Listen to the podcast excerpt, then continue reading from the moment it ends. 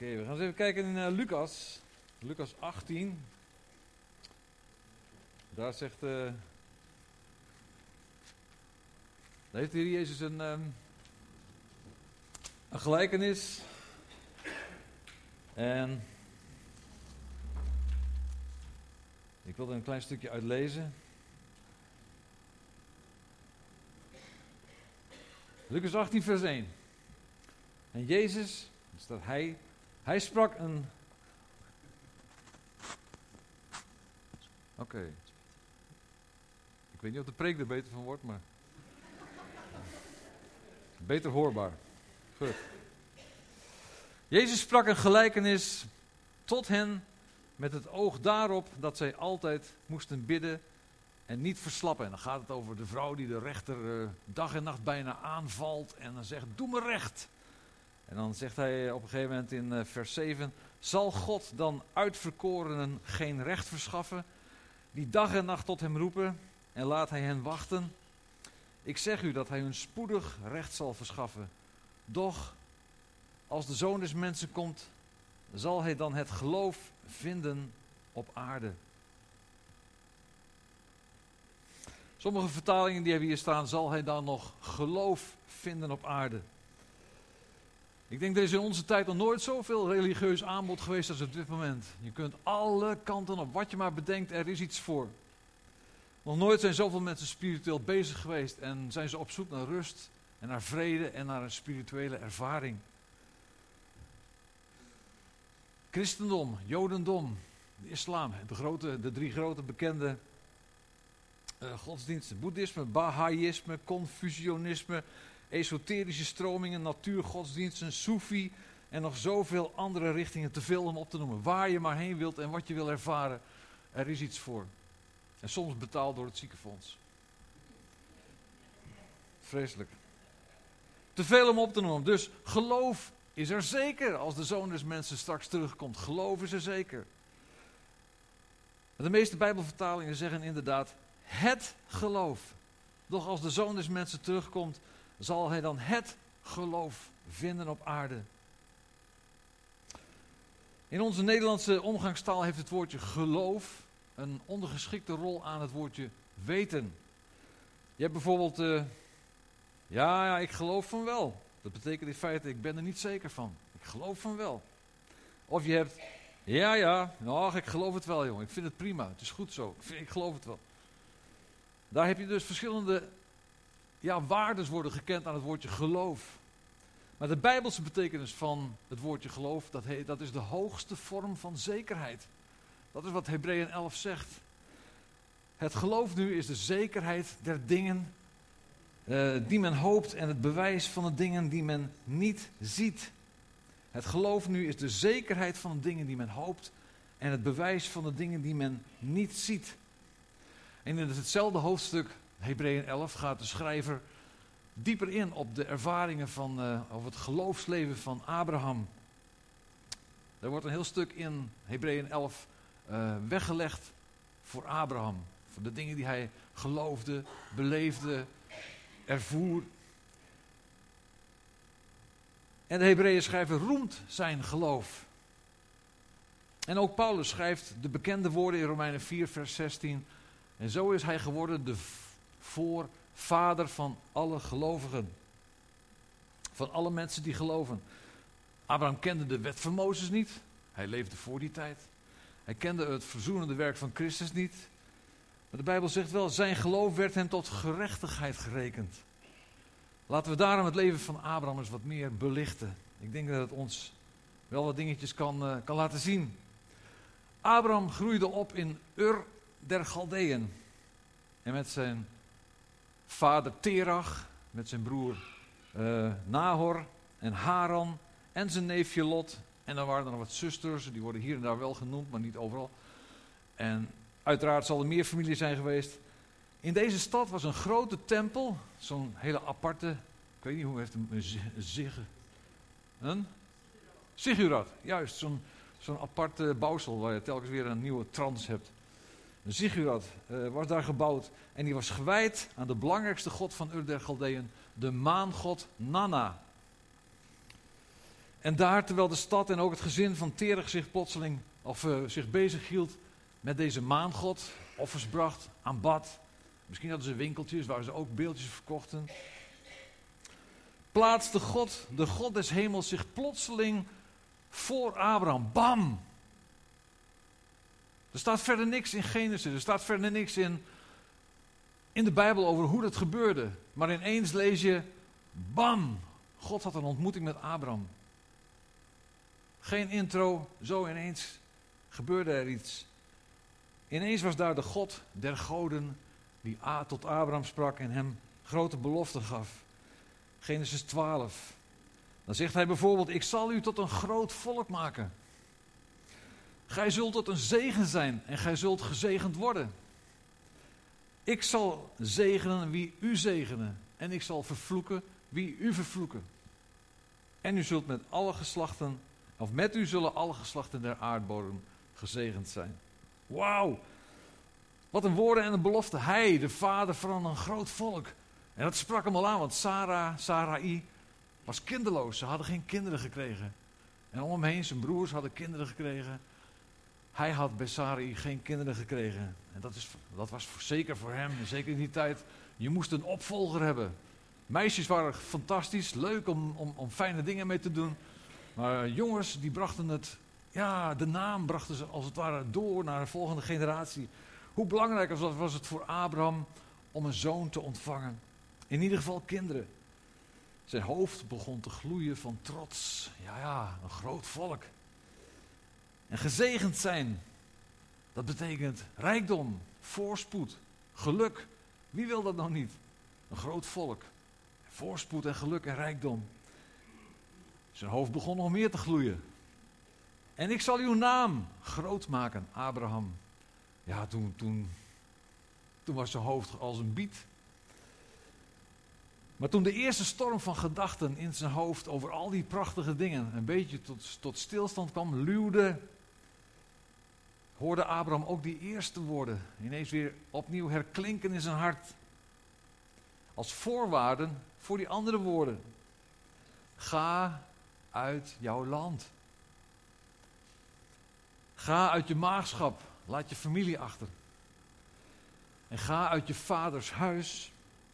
En ga naar het land dat ik je wijzen zal. Dat waren de voorwaarden voor die andere zegeningen. De grote vreugde om tot een groot volk te worden en om rijk te zijn of om geluk te kennen, werden snel minder aanlokkelijk. Het glimmende hoofd werd weer wat bleekjes.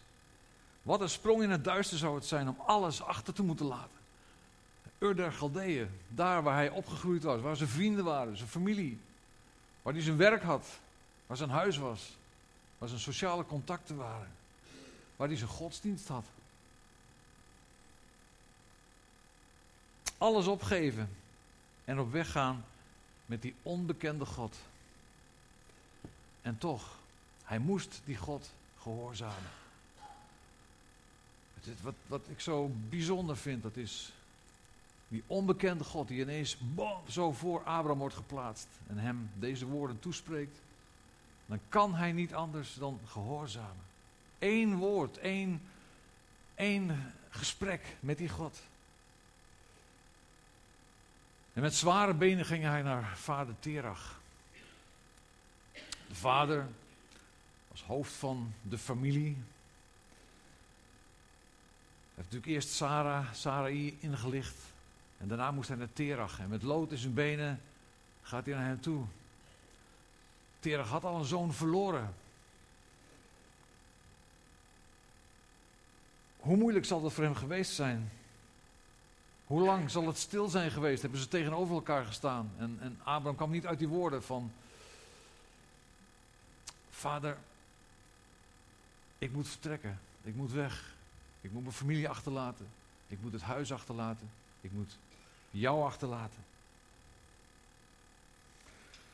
Maar dan zegt Terach niet alleen dat hij Abraham laat gaan, maar dan zegt hij zelfs: Ik ga met jou mee. Ik trek met jou mee. Abraham zal misschien razend blij geweest zijn. Oh, gelukkig. Die ellende van, van die scheiding. Het, het, het, het, uit elkaar moeten gaan. Het breken. Misschien wel met ruzie. Dat hoefde niet. God had wel tegen Abraham gezegd: Ga uit uw vaders huis. En dan lezen we in Genesis 13: En Terach, luister goed. Terach nam Abraham, Sarai en Lot en hij, hij deed hen wegtrekken uit Ur. Ineens had Terach de leiding. Ineens liet, liet Terach uh, het hele spul Ur uitleiden. Het uittrekken uit Ur, het uitgaan, is het achterlaten van je oude leven. Van je sociale contacten, van je familie. Van alles wat je beleefd hebt, wie je bent en, en, en ja, waar je opgegroeid bent, waar je je waarden en normen hebt gekregen. Het afleggen van je oude leven, de afgodendienst. Dat wat je belangrijk vond en wat je aanbad. Maar ook het achterlaten van allen die een claim op je leven kunnen leggen. Zodat je kunt ingaan in het nieuwe leven. En daar zie je een prachtig synoniem van bekering. Uitgaan uit het oude leven en om in te gaan in het nieuwe leven. Dat is wat, wat Abraham moest doen. En daarin gehoorzaamde hij God. Hij trok uit en hij ging op weg naar het nieuwe leven. En ook de Hebreeën schrijver die zegt daar ook het een en ander over. Hij zegt in Hebreeën 11 vers 8. Door het geloof is Abraham, toen hij geroepen werd, in gehoorzaamheid getrokken naar een plaats die hij als erfenis zou ontvangen. En hij vertrok zonder te weten waar hij komen zou. Eigenlijk ook datzelfde synoniem. Je trekt uit, je laat achter en je komt dat nieuwe leven binnen. Maar je weet niet wat je, wat je tegemoet gaat. Misschien kent u dat nog. Op het moment dat u uw knieën boog voor God, voor Jezus. En het zondaarsgebed bad. Je hebt geen idee wat je te wachten staat. Hoe zal het morgen zijn? Ik kan me nog zo goed herinneren dat ik uh, op zaterdag en zondagavond, in ieder geval op zaterdagavond, uh, dat we onze knieën bogen voor de Heer. En dat ik dacht van, oké, dan moet ik maandag, moet ik vertellen op mijn werk dat ik christen ben geworden. Hoe doe je dat nou?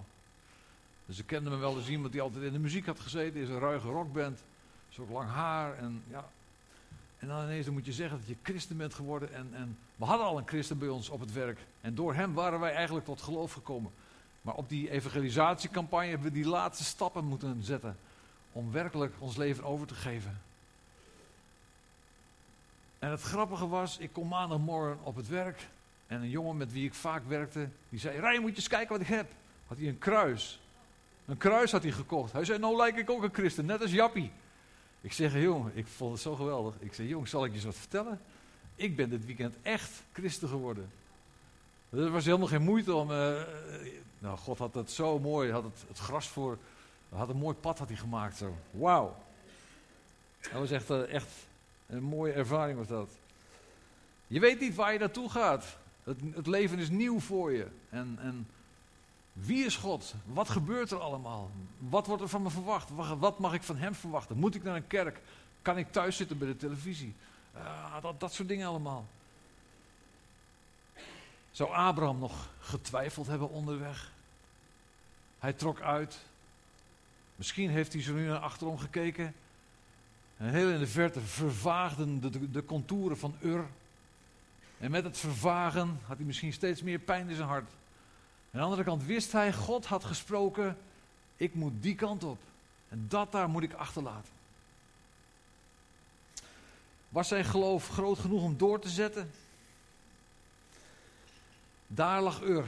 En voor hem lag een enorme berg met zand, droogte, zand. Hier en daar een berg nog meer zand, verzengende hitte.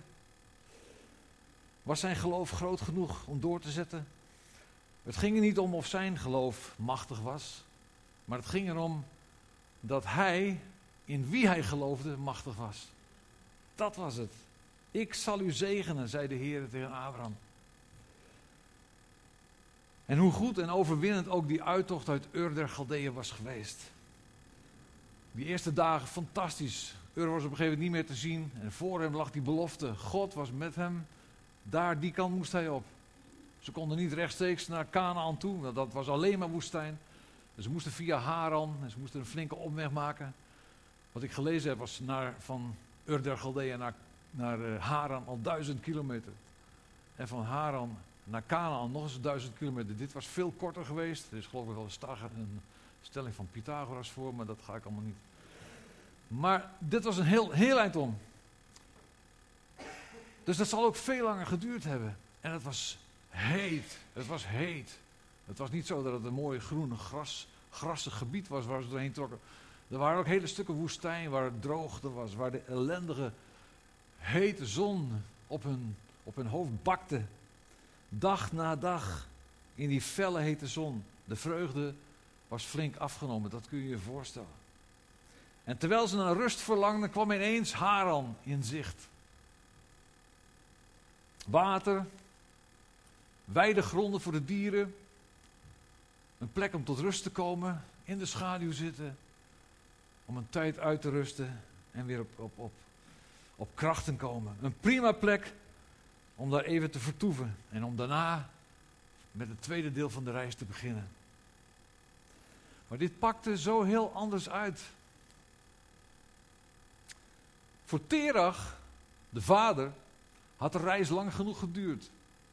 En misschien wel omdat we zo straks hebben gelezen, Terach nam Abraham, Sarai en Lot mee. En hij ging hun eigenlijk voor. In plaats van dat Abraham geroepen was om dat te gaan doen. Terach zei op een gegeven moment zo, hier blijven we. En dan staat er ook in Genesis, ze bleven in Haran. Maar dat was niet de bedoeling. Het probleem zit hierin. Terach kende niet die aandrang die Abraham had. Hij kende niet de opdracht van God. God had niet tot Terach gesproken, maar tot Abraham. Terach had het alleen maar van horen zeggen. Zoals Abraham tegen hem had verteld. God heeft tegen hem gesproken. Ja, welke God? De God van hemel en aarde, de God van alle goden. Ja, als jij het zegt, dan moeten we maar gaan. Abraham had die opdracht gekregen, Terach niet. Terach had geen ontmoeting gehad met God. En daarom was hij onverbiddelijk en hij vestigde zich te Haran. Het had hem lang genoeg geduurd.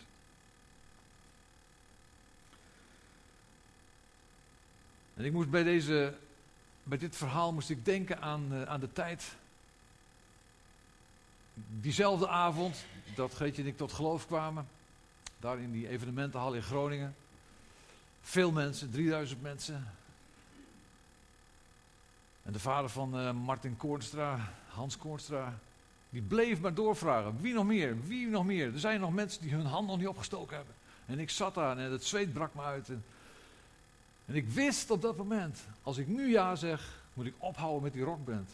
Een symfonische rockband. We speelden echt uh, hele mooie muziek. Was daar zanger en toetsenist. En uh, het was leuk, het was leuk. We waren al jaren met elkaar. We hadden een eigen boerderij ergens in, uh, in de weilanden van Friesland waar we repeteerden. We deden leuke dingen met elkaar. We waren een goede vriendenclub. En ik wist, als ik nu ja zeg, moet ik ophouden met die muziek. We ik schreef ook vreemde liedjes over zelfmoord en andere dingen. En dat kon gewoon allemaal niet meer. Duistere dingen.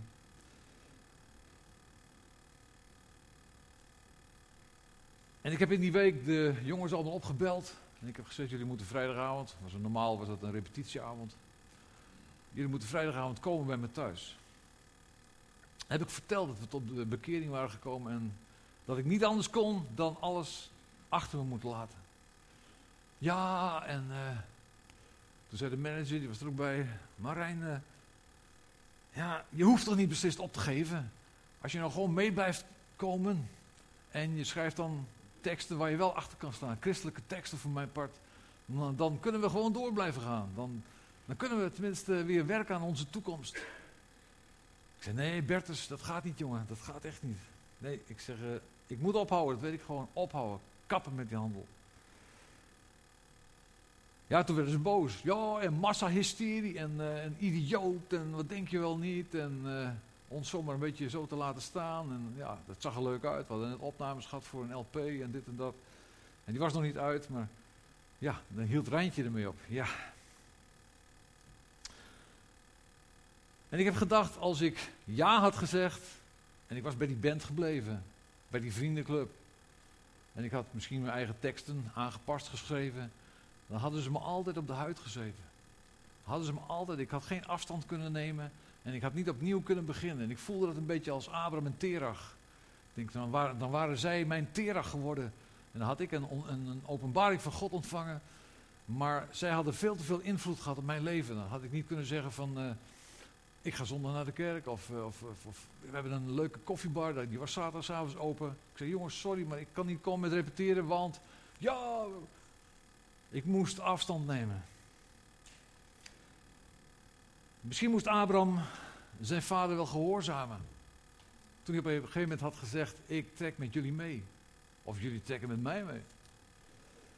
Misschien moest hij dat wel doen omdat hij de, ja, het hoofd van de familie was. Misschien wilde Abraham ook wel niet zonder Terach verder. Kan ook nog. Je bent al zo'n eind met elkaar opgetrokken, ja. Nou ja, ja. Ik laat hem ook niet, die oude man, ik laat hem ook niet achter hier. Maar hoe het ook zij, in Terach, uh, in Haran bleven ze steken door Terach. Hoe vaak heeft hij misschien gedacht, Abraham, aan die belofte die God gegeven had? En dan denkt hij van ja, en nou zijn we hier en we verzand, echt verzand. En, en, en nou zitten we in Haran terwijl de belofte daar ligt. Waarom doet die man ook zo moeilijk en dit en dat en zus en zo? En hij was kwaad in zijn hart misschien wel. Ik ga het dan een beetje visualiseren.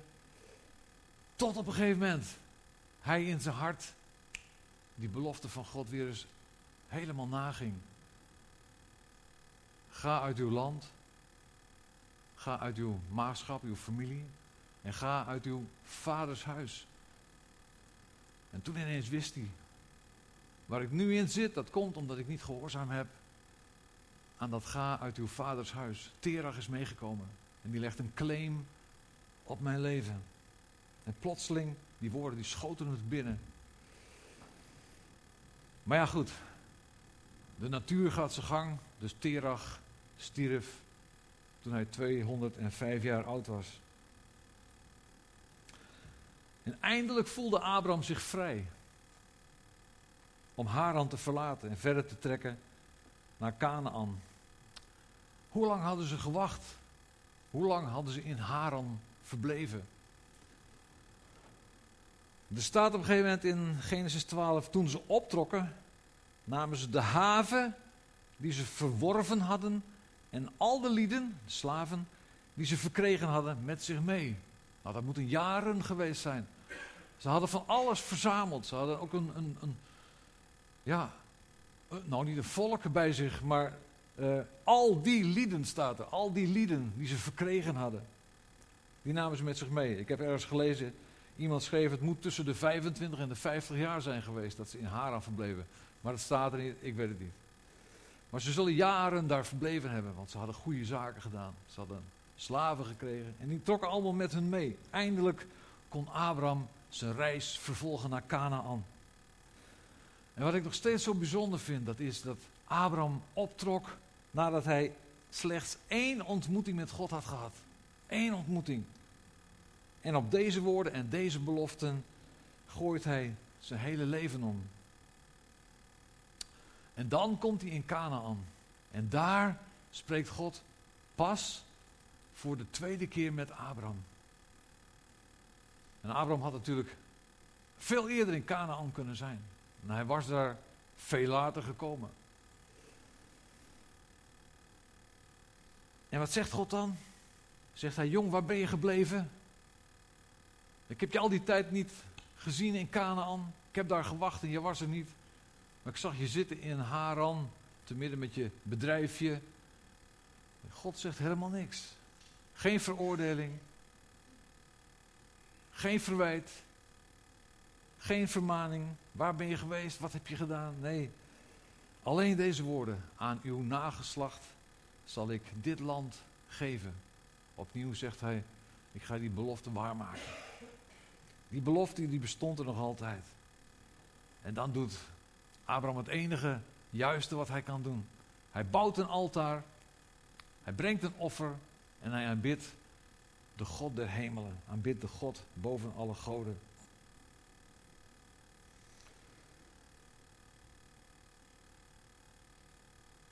Abraham ging omdat hij Gods stem had gehoord. Maar God heeft ook tot jou, tot u, tot mij gesproken. Daarom ben je ingegaan op zijn roepstem. Daarom zit je hier vanmorgen. Het kan ook zijn dat je die keuze nog, nooit gemaakt hebt om, om werkelijk God te gaan volgen. En om, om in te gaan op uh, het aanbod van Jezus om al jouw zonden weg te nemen en om zijn vrede te ontvangen. Zijn schoonheid, zijn afwassen van je zonde en schuld. Je hebt diezelfde stem gehoord als Abraham. God heeft met jou gesproken. Anders zat je hier niet. God sprak ook met mij. Ik wist dat ik dingen moest opruimen. Ik wist dat ik hem moest gaan volgen. Hij riep en hij trok aan mijn hart. En wat ik al zei, gelukkig duurde dat heel lang. Greetje had al lang, die stond op te zwaaien. Bij mij duurde dat nog een hele tijd, voordat ik eindelijk ook mijn hand omhoog stak. En we uiteindelijk tussen de begonia's terechtkwamen. Dus een heel podium vol met begonia's. Ja, gewoon met je hoofd ertussen liggen. en samen het zondaarsgebed gebeden. Je bent ingegaan op die roepstem. Kom tot mij. Je bent ingegaan op die roepstem. Volg mij. En mijn vraag vanmorgen is aan ieder van jullie. Hoe is het met je geloofsleven? Hoe is het met je geloofsleven? De Bijbel heeft een woord voor het, eh, wat vertaald wordt in onze Bijbel met geloof. Het woordje, eh, Grieks woord pistis.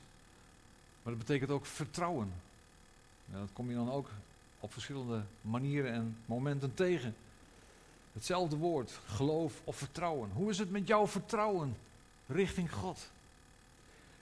Is je vertrouwen naar God gegroeid? Sommigen heb ik gehoord vanmorgen, misschien zitten er al wel mensen 50 jaar, 45 jaar. Ik weet van, van Neeltje is al heel lang. Het is bijna een van de, van de bouwstenen geweest. Gelukkig ben je er tussenuit gehaald. 45 jaar, 50 jaar misschien wel. Wij zijn ook zo'n beetje 40 jaar christen. Hoe is het met je geloven? Ben je gegroeid in die tijd dat je tot bekering kwam? Tot nu. Peter zegt op een gegeven moment ergens: span u daarom in. In de tweede brief van Peter: span u daarom in. Um, om met al uw kracht om uw geloof te verrijken. Span u daarom in met al uw krachten om uw geloof te verrijken. Dus je komt niet tot bekering en je zegt, nou oké, dat was het. Nou ga ik gewoon door en nou, ik zie wel, ik lees de Bijbel. En, maar we worden uitgedaagd om te groeien, om God steeds meer te vertrouwen. Paulus zegt in 2 Korinthe 13, onderzoek uzelf of u in het geloof bent. Beproef uzelf. Onderzoek uzelf of u in het geloof bent. Of de dingen die je doet nog uit geloof voortkomen. Of hebben we ons zo heel langzaam, ja, is het zo gewoon geworden. En is het een ingesleten pad geworden. We worden niet meer uitgedaagd. En dat doen we zelf. We zetten de, de kurk op de fles. Of weet u niet van uzelf dat Jezus Christus in u is, zegt hij dan. 13 vers 5. Weet u niet van uzelf dat Jezus Christus in u is? Hm. Worden we nu opgeroepen om superchristenen te worden? Wat had de jeugd gisteren trouwens op dat bord staan? Wat stond daar? Jij bent een. Ik versta niet. Een superheld. Wow. Maar moeten wij nou ook allemaal superchristenen worden? Ja, volgens de jeugd wel. en ik denk dan via uh, van Chris ook, hè, Chris? Zeker. Oh. Ja. Worden we nu opgeroepen om een supergeloof te kweken? Span dan al uw krachten in om uw geloof te verrijken. En onderzoek uzelf. Nee, maar er moet wel een vertrouwensband groeien. Die moet gegroeid zijn. We hoeven geen supergeloof te hebben, maar we moeten vertrouwen hebben. Dan is ons geloof al groot genoeg. Het is net als bij Abraham, daar hebben we van gezegd. Het ging er niet om of Abraham een machtig geloof had, maar het ging erom of hij degene geloofde die alle macht had. En die de dingen voor jou kan waarmaken. Als wij het nodig hebben en we zetten ons geloof en ons vertrouwen in, dan komt Hij ons te hulp. Dan doet Hij machtige daden. En dan kan het soms best zijn dat je een klein geloof hebt. Maar dan komt God ons te hulp. Het is al heel lang geleden, jaren. En toen was de, opwekkingsconferentie nog niet in Walibi, maar toen zaten we nog in Vierhouten. En dan mocht ik toen ook al een aantal jaren de zangdienst doen. En op zondagmiddag, volgens mij was het toen zaterdagmiddag, was er voor de, de Zonnehal een heel groot gebouw waar ook de jeugdsamenkomsten waren. De normale samenkomsten waren toen al in hele grote tenten waar toch 3.000, 4.000 man in konden. Dat was voor die tijd al gigantisch. Maar we stonden toen voor de Zonnehal. Podium opgebouwd, er stonden alle apparatuur, overal kabels, elektriciteit en dingen. Allemaal gevaarlijk. Zolang het droog en mooi zonnig weer was, was er niks aan de hand. En ineens begon het te, te betrekken. En dat was niet dat ik weet dat er nog slecht weer gemeld was, maar het werd pikzwart. En we zouden met ons eerste lied beginnen. Ik denk, oh, dat is vervelend. Er waren allerlei hoogwaardigheidsbekleders, die waren ook gekomen. Op uitnodiging van, uh, van Peter Vlug. Om eens te kijken daar bij Vierhouten, naar wat daar allemaal gebeurde. Denk, oh chips, dat is ook vervelend. En dan komen die lui en dan kan het allemaal niet doorgaan. Het, het was zwart en het begonnen die toppen van de bomen. En we zetten ons eerste lied in en de eerste dikke, zulke dikke druppen op dat podium, zo patch, patch. En ik voelde zo'n boosheid van binnenkomen. En dat was niet van mezelf, maar dat was van God. God kwam mij mijn klein geloof te Hoe moet ik nou ooit bidden dat, dat al die wolken gaan verdwijnen? Nee, God gaf me geloof. En het lied was uit en ik begon te, te bidden en ik zei, in de naam van Jezus, wolken, regen, slecht weer, verdwijnen in de naam van Jezus op dit moment. Word droog en we gaan heerlijk zingen met elkaar. Ik denk, oh, wat zeg ik er allemaal? He, al die mensen die daar stonden op dat veld en ook die hoogwaardigheidsbekleders. Och, ik denk, oh jee. Het werd droog. We hebben een geweldige middag gehad. En om ons heen waren tenten weggewaaid. Er waren bomen geknapt. Er waren zulke hagelstenen. Ja, serieus, ik meen het. Zulke hagelstenen. En precies daar waar wij stonden met elkaar, waar, waar de conferentie was, daar was het, nou niet mooi weer, maar daar was het rustig, daar was het stil. Er was niks gebeurd, helemaal niks gebeurd. En dat vond ik zo'n geweldig voorbeeld van mijn klein geloof, maar God komt mij te hulp. Ik heb een klein geloof, maar als ik dat in werking zet naar God toe, is Hij degene die wonderen doet. Halleluja.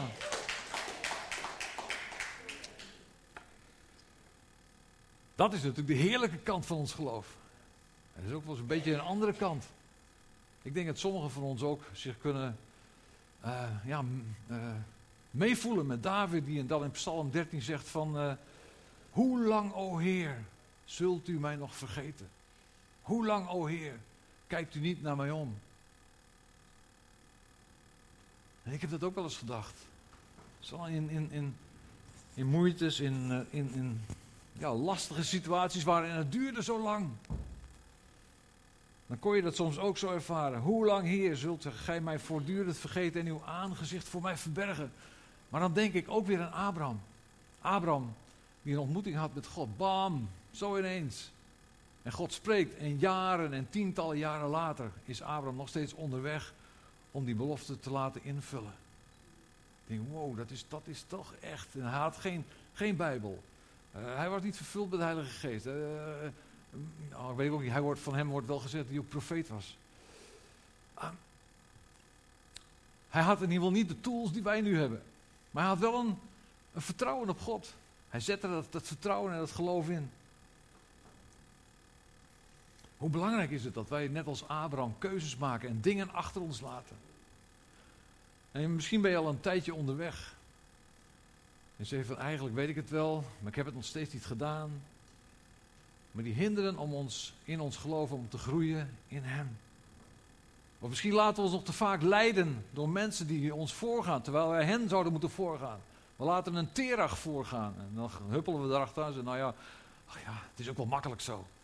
Maar we komen niet op dat pad wat God voor ons heeft. Terag moet weg. Terag, terag moet weg. Ja. Paulus heeft gezegd: onderzoek jezelf. En dan staan we nu vlak voor het avondmaal. We gaan avondmaal met elkaar vieren. En dan worden we opgeroepen ons te onderzoeken.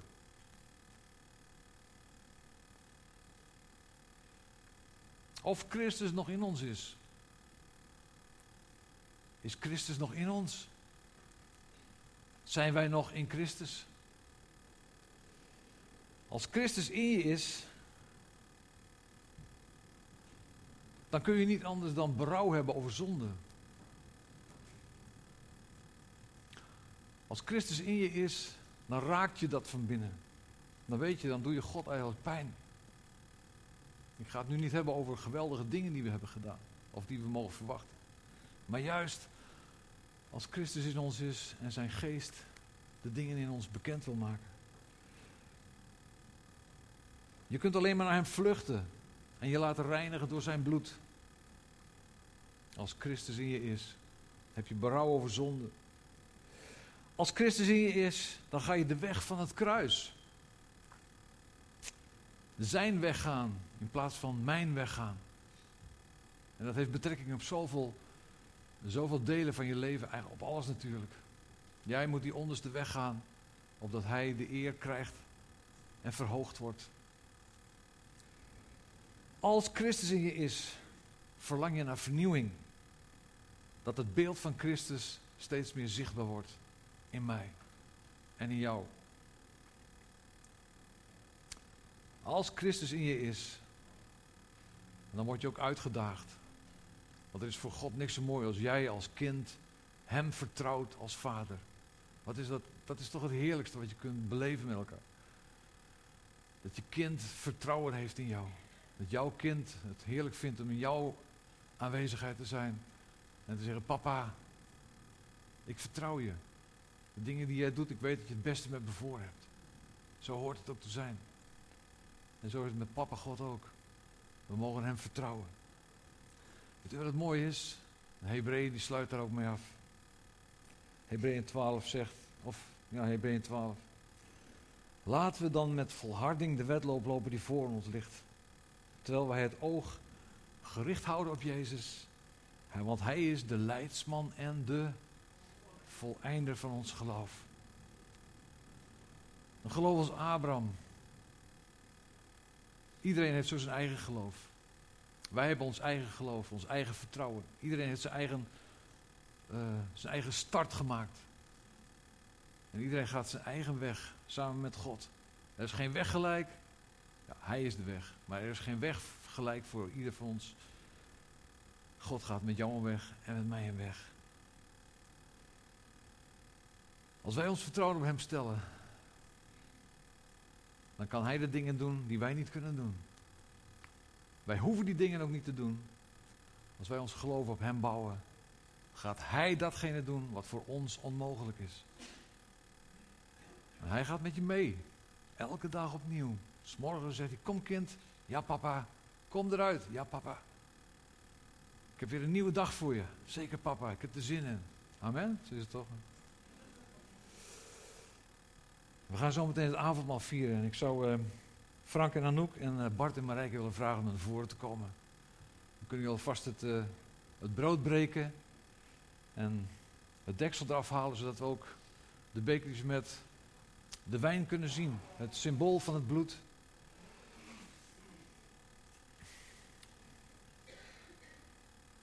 Breek het maar, begin maar te breken.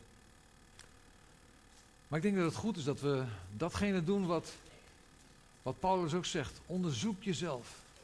Misschien nog meer dan span je in om je geloof te verrijken. Onderzoek jezelf, want daar begint het mee. Hoe is mijn weg gegaan tot nu toe? En wat is avondmaal dan een prachtig moment om dat te doen?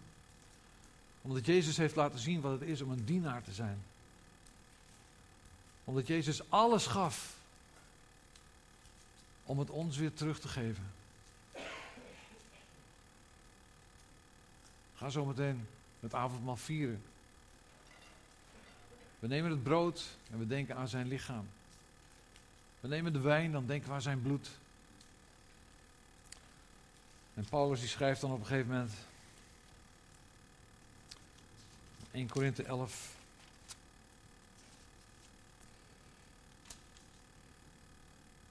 Want zelf heb ik bij overlevering van de Here ontvangen wat ik u weder overgegeven heb, dat de Heer Jezus in de nacht waarin hij werd overgeleverd, een brood nam, de dankzegging uitsprak, het brak en hij zei, dit is mijn lichaam voor u.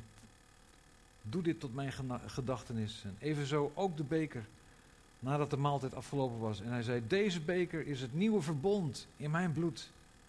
Doe dit, zo dikwijls gij die drinkt, tot mijn gedachtenis. Want zo dikwijls gij dit brood eet en de beker drinkt, verkondigt gij de dood des Heren totdat hij komt. En onderzoek jezelf. Of er geen dingen zijn die tussen jou en God instaan. Want dan zegt Paulus, laat het dan voorbij gaan. Of maak het in orde. Maar als er niks is, heb dan alle vrijmoedigheid om vanmorgen het avondmaal te delen. Om het te ontvangen van de Heer Jezus zelf eh, eigenlijk. Zijn lichaam, zijn bloed. Zullen we er samen voor danken. Vader, we willen u samen loven en prijzen nog God. Vader, u bent onze lieve papa, u bent onze goede papa. U bent onze goede God. En zo willen we u ook ontmoeten vanmorgen. Heer, ook vanmorgen komt u ons tegemoet en, en zijn daar beloften. Vanmorgen komt u ons tegemoet en is daar uw liefde. Vanmorgen komt u ons tegemoet met het avondmaal en laat u ons zien hoe groot het wonder is van Jezus Christus aan het kruis. Vanmorgen komt u ons tegemoet met dat beeld van het lege graf, met de opgestane Heer. Komt u ons te hulp en tegemoet en laat u zien dat u de machtige bent, de God boven alle goden en de Heer boven alle heren. U bent Jezus, u bent de Heer, u bent de Christus, de opgestane. En zo willen we u ook in het avondmaal loven en prijzen. Halleluja. Heer, werk in ons hart. Bewerk in ons hart. Dat ons geloof, ons vertrouwen op u sterker en sterker zal worden. En we uitgedaagd worden door uw Heilige Geest om opnieuw weer keuzes te maken die ons uitdagen. Om opnieuw weer keuzes te maken die van ons geloof en vertrouwen vragen en verwachten. Heere God, want ons leven is er geen geëikt paardje, maar we worden telkens weer door u aangemoedigd en uitgedaagd om het met u te wagen. Ook vandaag, ook morgen. Heer, we zegenen zo het avondmaal in de naam van Jezus. Amen.